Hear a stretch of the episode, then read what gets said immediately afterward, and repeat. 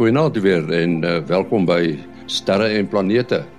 Ons het uh, ons spanlede weer Barry Koorts en Mati Hofman.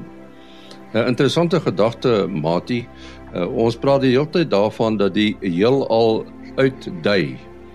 Maar nou hoor jy ook dat hulle sê dat die ander groot sterrestelsel Andromeda wat nou relatief naby aan ons is, is besig om nader aan ons te kom. Nou hoe bring jy die kloutjie by die oortjie?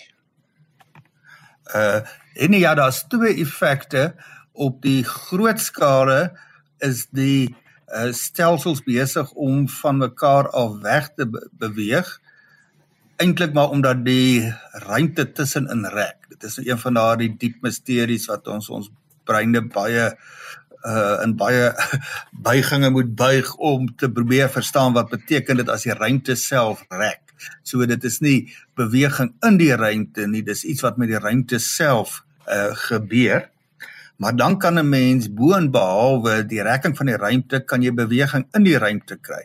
En dan kan mens nou lokale effekte kry waar die uh effek van gravitasie sterk genoeg is om in die lokale omgewing voorwerpe na mekaar toe te laat beweeg ten spyte van die groter uh neiging uh van die ruimte om te rek. Omdat die ruimte oral ewe vinnig rek. Elke klein deeltjie van die uh uh van die ruimte in die heelal rek. Uh nou kan mens dink dat as jy nou 'n groot hoeveelheid ruimte tussen twee voorwerpe het en oral tussenin rek die ruimte dan is die wegbeweging van daardie voorwerpe of die afstand tempo waarteen die afstand tussen hulle wat dit groter word baie vinniger as wat daar uh, net 'n kort stukkie ruimte tussen twee voorwerpe is. Dis daarom op die groot skaal uh kan daar nie vinnig genoeg beweging wees om daardie effek teen te werk nie op die lokale uh meer lokale skaal is die effek uh, uh van die rekking van die ruimte uh, klein genoeg dat uh beweging van snel uh, die snelhede van sterrestelsels as gevolg van uh gravitasie uh die uh die netto effek gaan hê dat die stelsels nader aan mekaar kom soos byvoorbeeld dan in die geval van die uh groot Andromeda sterrestelsel uh en die Melkweg. Uh, nou kan mens 'n analogie gebruik. Uh nou die ouens uh mense sê partykeer is nie mens moet nie in alle opsigte dit letterlik uh te letterlik opneem om nou die uh uitdaging van die heelal te verstaan nie want die uh, die ruimte bestaan in 3 dimensies. Maar as mens nou vir jou 'n tweedimensionele ruimte op die oppervlak van 'n ballon uh beskou uh en jy maak 'n klomp uh, kolletjies daarop uh wat sterrestelsels verteenwoordig en jy blaas dit op dan beweeg elke kolletjie weg van elke ander kolletjie. Hoe groter die afstand tussen twee kolletjies is, hoe vinniger gaan hulle van mekaar af uh wegbeweeg soos wat jy die ballon uh um uh opblaas. Maar nou kan ons vir ons voorstel daar is 'n uh, iets bo-op soos 'n muur uh wat nou be, wat beweeg, dan kan hy relatief tot die ruimte en die kolletjies kan hy nou nog beweeg. En dan kan van die korretjies dan ook na mekaar toe beweeg as hulle massas groot genoeg is en hulle naby uh, genoeg aan mekaar is. Uh so ek hoop dit gee so bietjie werp so bietjie meer lig op die op die saak. Wat die uh ons praat gedurig van klimaatsverandering hier op op aarde. Maar as mens nou na die geskiedenis van Mars kyk, lyk dit my daar is ook sprake van 'n klimaatsverandering, né? Nee? Ja, dis reg en ehm um, die Perseverance uh karretjie wat nou daar op Mars nog besig is om om uh, uh monsters op te tel en te ontleed en en so aan is nou ook besig om 'n bietjie meer kennis by te voeg by by van hierdie misterie want ons weet Mars was op 'n kol nat geweest en ons weet weet Mars het op 'n kol baie meer van 'n atmosfeer gehad. So uh, en en dan is daar ook 'n moontlikheid hulle nou nog net nou nie fisies gekry nie maar die die die tekens dat daar lewe van mikrobiese lewe op op die planeet was is is al redelik uh, gevestig gewees en en nou begin ons al in te beweeg in die domein van wat het gebeur met hierdie lewe en en hoekom het dit het dit verander. Nou ja uh, uh ons ons weet Mars um se kern het natuurlik opgehou opgehou rond beweeg. Uh so die magneetveld het het het verdwyn wat eintlik 'n groot bydrae by bydraende faktor was. Maar ons weet ook dat die atmosfeer het het het definitief verander oor die oor die jare.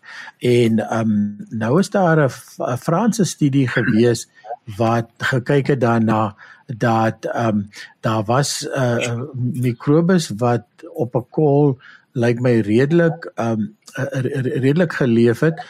Die hart van die saak omdat Mars uh, baie dunne atmosfeer het waar die oppervlak um aan ultraviolet en uh skadelike straling van die son blootgestel iets wat op aarde natuurlik deur ons eie atmosfeer baie mooi uh afgekeur word maar sê dit nou nie daardie daardie um voordeel nie.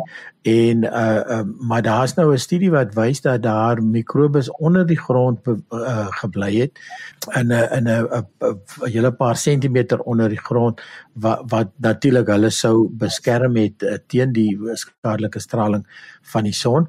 En ook um vir hulle 'n uh, klam en 'n en 'n bietjie bietjie warmer uh, uh klimaat geskep het wat wat dit die aard van die saak dit makliker gemaak het om om te lewe.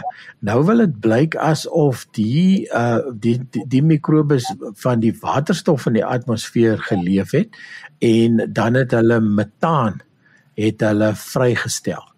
En um nou nou die atmosfeer van van Mars uh het nie baie um waterstof in nie is meestal uh, uh, uh koolstofdioksied en wat dan eintlik gebeur het is dan het hulle met die produksie van metaan het hulle die klimaat baie baie vinniger laat verander uh deur die laaste moet hom amper die laaste waterstof uit die atmosfeer te trek en met metaan te vervang.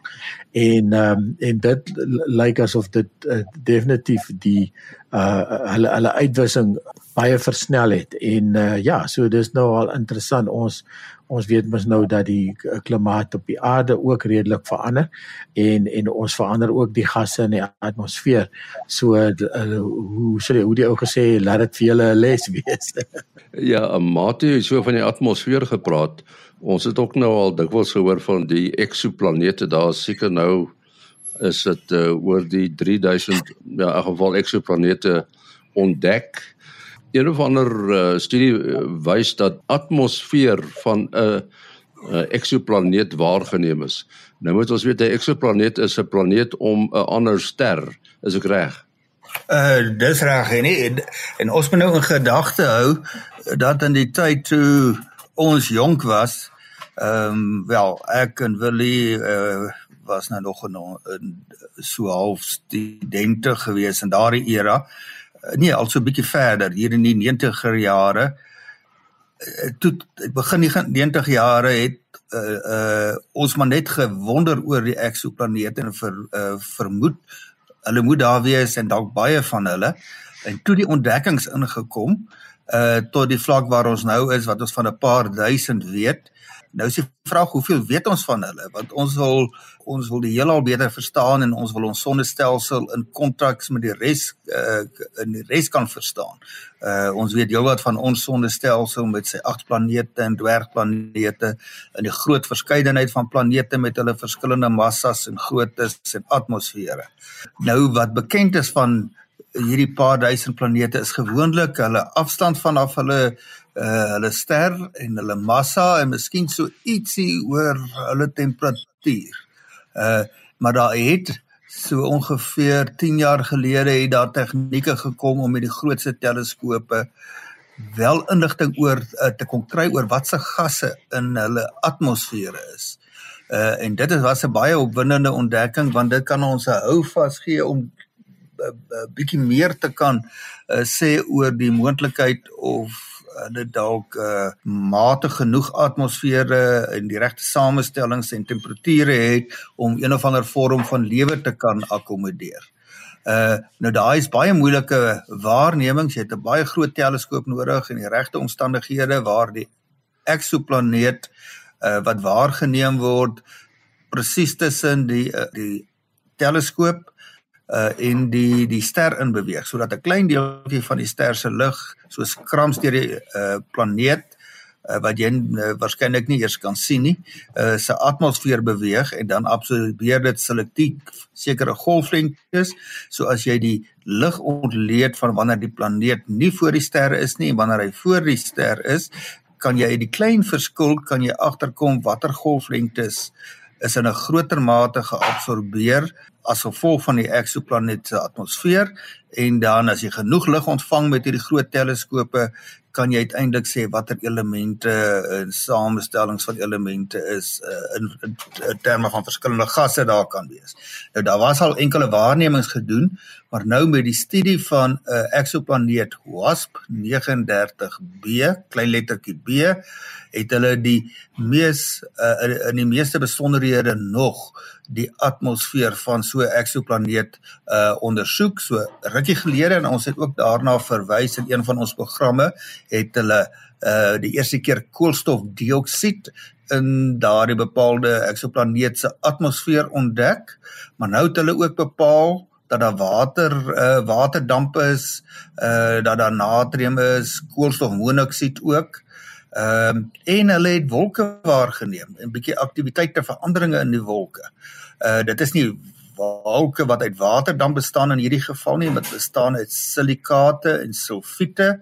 Daar's onder andere sulfur, swaaldioksied en nou ander planete soos uh wat ons hier op aarde kry is swaaldioksied uh nie op nie op aarde in ons sonnestelsel gewoonlik 'n teken van vulkaniese aktiwiteit, maar dit kan ook deur uh die interaksie tussen lug uh en gasse plaasvind as daar genoeg ligenergie inkom. Ehm um, dan is daar 'n hele klompie chemie wat plaasvind. So hulle begin nou hou vas kry om hierdie uh chemie wat plaasvind in hierdie atmosfere te kan waarneem en soms selfs veranderinge want ons weet tog as daar wolke in 'n atmosfeer is, wolke gaan saam met weer uh van een of ander aard en dit is nie konstant nie en as dit op 'n groot genoeg skaal is, dan kan veranderinge in die spektra uh wat uh wat uit die lug uit verkry word uh waargeneem word. Uh, so dis nou nog uh, uh uh vroeg in hierdie tipe van studies, maar dit was een van die uh, is een van die hoofdoelwitte van die James Webb teleskoop om juis hierdie eksoplaneet atmosfere te begin bestudeer. Uh en omdat uh, dit hy groot genoeg is en daar in die ruimte is waar hy ook in infrarooi kan waarneem, kan hy juist baie goeie waarnemings doen in die infrarooi deel van die spektrum wat belangrike leidrade kan verskaf oor die presiese toestand en samestellings van daardie atmosfere. Wat jy wat so in die teleskoop wêreld rond beweeg. Ons weet teleskope is nou 'n soort van aardgebonde en daar's nou ruimte teleskope en ek weet daar's 'n vliegtuig teleskoop dink as die Sofia projek. Maar nou wil hulle teleskope uh met ballonne laat opgaan. Nou my vraag is, hoe gaan jy daai teleskope stabiel hou? Is dit tegnies moontlik of, of gebruik hulle momentum wiele om dit te doen? Ja, die ehm um, gebruik van ballonne is eintlik is eintlik nogal baie oud. Die die die eerste wetenskaplike eksperimente het so so uh, lank terug as 1912. So wat is dit nou? 110 jaar gelede, né? Is is al is al opgesit. Uh, hulle het al oor die 5 km in die lug opgegaan en en uh, natuurlik ehm um, allerhande uh, metings gemaak van die verskillende lae van die atmosfeer en so aan. So die die uh, gebruik van van ballonne in in in wetenskaplike metings is is is eintlik 'n alredelike ou tegnologie. Nou ja, soos jy sê as jy nou wil 'n teleskoop uh, op 'n ballon sit, dan klink dit nou nogal moeiliker, maar dit is ook eintlik ook al 'n redelike ou uh, tegnologie. Nou uh, Dr. Ian Glass hier by ons wat um, hy's ook nou al um, 20 jaar amper afgetree het uh, begin destyds met infrarooi waarnemings van ballonne af en toe hy by MIT gewerk het in in Amerika.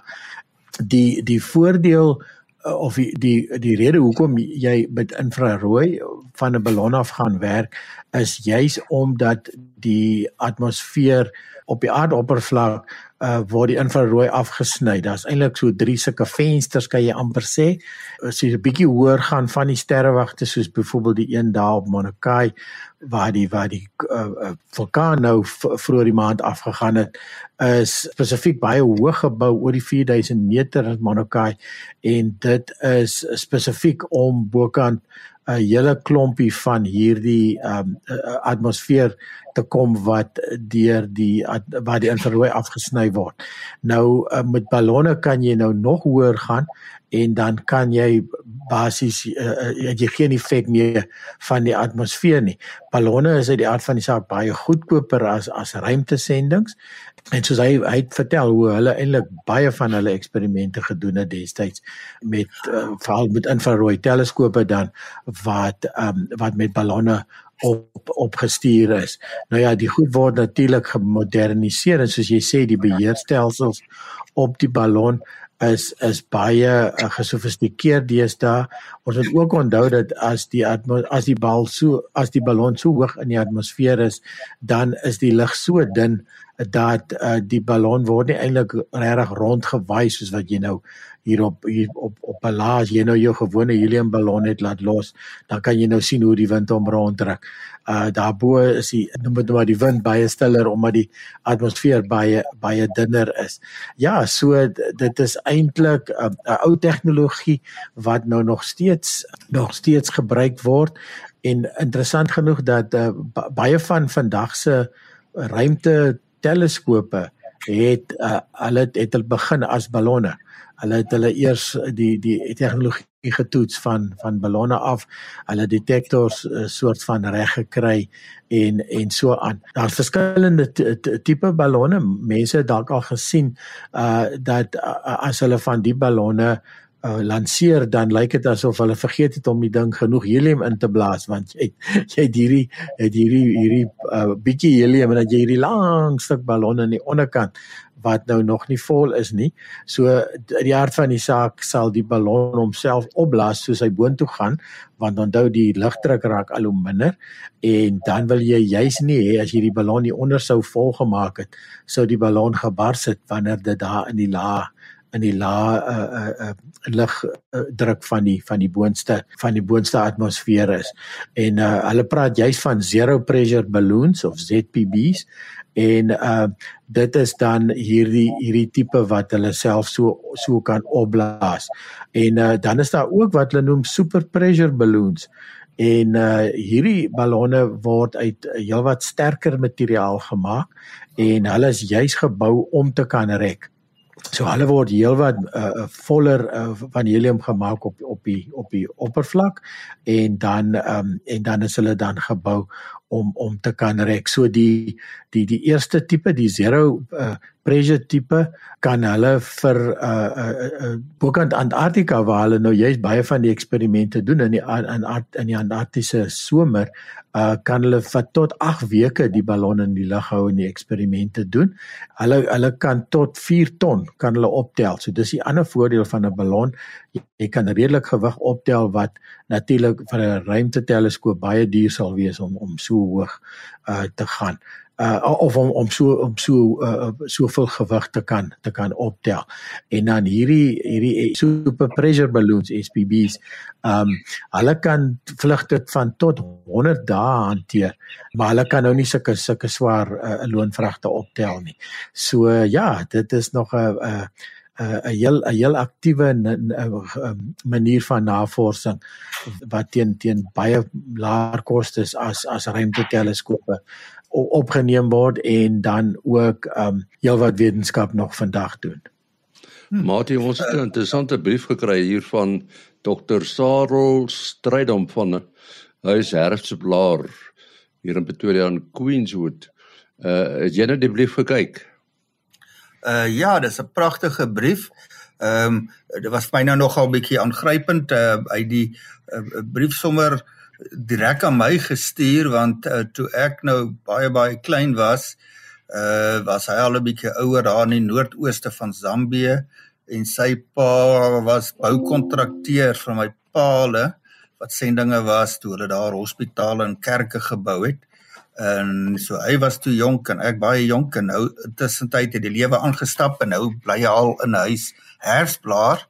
Maar ek sien hy's nog baie skerp en skryf baie mooi en met waardering oor ons program. En dan die die, die opskrif van sy brief is die onmoontlike is moontlik.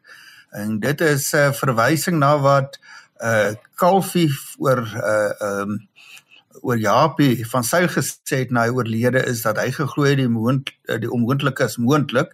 Daar bedoelende natuurlik dat uh, ons dink dikwels iets is onmoontlik en kan dan kan dit moontlik gemaak word deur skerpsinnigheid en groot uh, toewyding. En uh, so uh, dit is nogal riem onder die hart om nou ook te lees hoe die die program op verskeidenheid van mense uh, maniere impak to, uh, tog op ons uh, luisteraars oor die hele spektrum uh, van agtergronde en ouderdomme maak. Nou hy verwys nou met uh, groot bewondering oor die ontdekkings oor supernovas en die werk uh, uh, met die Hubble teleskoop en die James Webb teleskoop en dan uh, uh, raak hy nogal ook digterlik wat hy nou kan skryf dat 'n uh, mens ontdekking kan maak soos dat daar iets in jou denke bestaan wat vinniger is as klank en lig en wat in 'n enkele nano oomblik uh kan dit 'n mens op 'n verbeeldingsvlug verplaas tot buite die dampkring van die verste sterre uh en so aan. Uh so dit is uh, baie mooi as mense kan op 'n weet uh, die wetenskaplik akkurate inligting in so mooi taal uh, kan skryf oor hierdie ontdekkings en dan maar word die tegnologie word ook deel van ons kultuur. So ek het uh Sarah Stryd ons se brief baie geniet en uh ek kan hom so vir hom net dankie sê en, uh, en ons ook, ook dat ons bly is dat hy en ander mense die program uh, geniet. Ja, hierdie tyd van die jaar sien mense baie dikwels interessante uh, uh, groeperinge in die uh, hemelruim en dit is ook so van jaar as 'n mens nou net uh hier by sononder rond na die weste kyk, sien mense planete wat mense nie baie sien nie en een daarvan is Mercurius. Maatie, vertel ons weer daarvan. Uh Henny, ja baie luisteraars, seker die meeste het al die helder planete Jupiter en Venus gesien. Uh want uh wanneer hulle bo die horison is en dit donker is, dan vang hulle sommer outomaties die oog omdat hulle so helder is. En uh, mens sien natuurlik nie die planete altyd op dieselfde plek ten opsigte van die uh konstellasies en die helder sterre nie. Uh want die planete beweeg, hulle is relatief naby aan ons in vergelyking met die sterre. Uh en die merkwaardige ding is dat ons hulle altyd kan soek op 'n denkbeeldige lyn. Uh eintlik kan moet mense aan 'n groot sirkel dink wat oor die hemelkoepel loop wat ons die ekliptika noem en dit is die pad van die son. Uh so al agt planete in die sonnestelsel se bane is baie naby aan die ekliptiese vlak en dit beteken dan ook soos wat ons nou hier vanaf die aarde in daai vlak is dat ons hulle altyd naby die ekliptika sien. Uh en daarom gebeur dit van tyd tot tyd dat wel eintlik elke jaar uh, uh enkele kere dat een planeet naby 'n ander is en partykeer kry mens nou mooi groeperings en dan wil mens vreeslik graag hê ander mense moet dit ook sien want dit is so leersaam en natuurlik ook aanskoulik.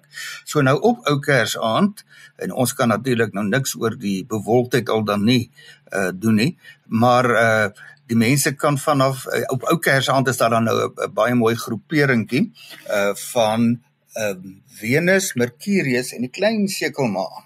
Val as dit so klein sekelmaan is, dan vertoon dit baie mooi en die, die uh onder andere want 'n sekelmaan lyk mooi, maar ook omdat dit dan nou nie so helder is nie. Nou die luisteraars wat dit wil sien, moet bietjie moeite doen en sorg dat hulle teen son onder eintlik al buite is, dat die son hulle nou net onder die horison is en sodra dit donker genoeg is, die eerste voorwerp wat hulle op 24 uh Desember op ou Kersaand sal sien sal natuurlik die sekelmaan wees en dan Venus en dan Mercurius. Dis nou maar soos hulle gaan uitkom volgens hulle helderheid teenoor die uh die blou lig in die agtergrond. So dit gaan nog skemer wees. Uh maar uh, mens behoort hulle te kan sien. Jy moet nou net jouself posisioneer voor die tyd dat daar nie bome voor jou is nie, nie helder straatlig nie, uh laat jy werklik 'n mooi oop horison het.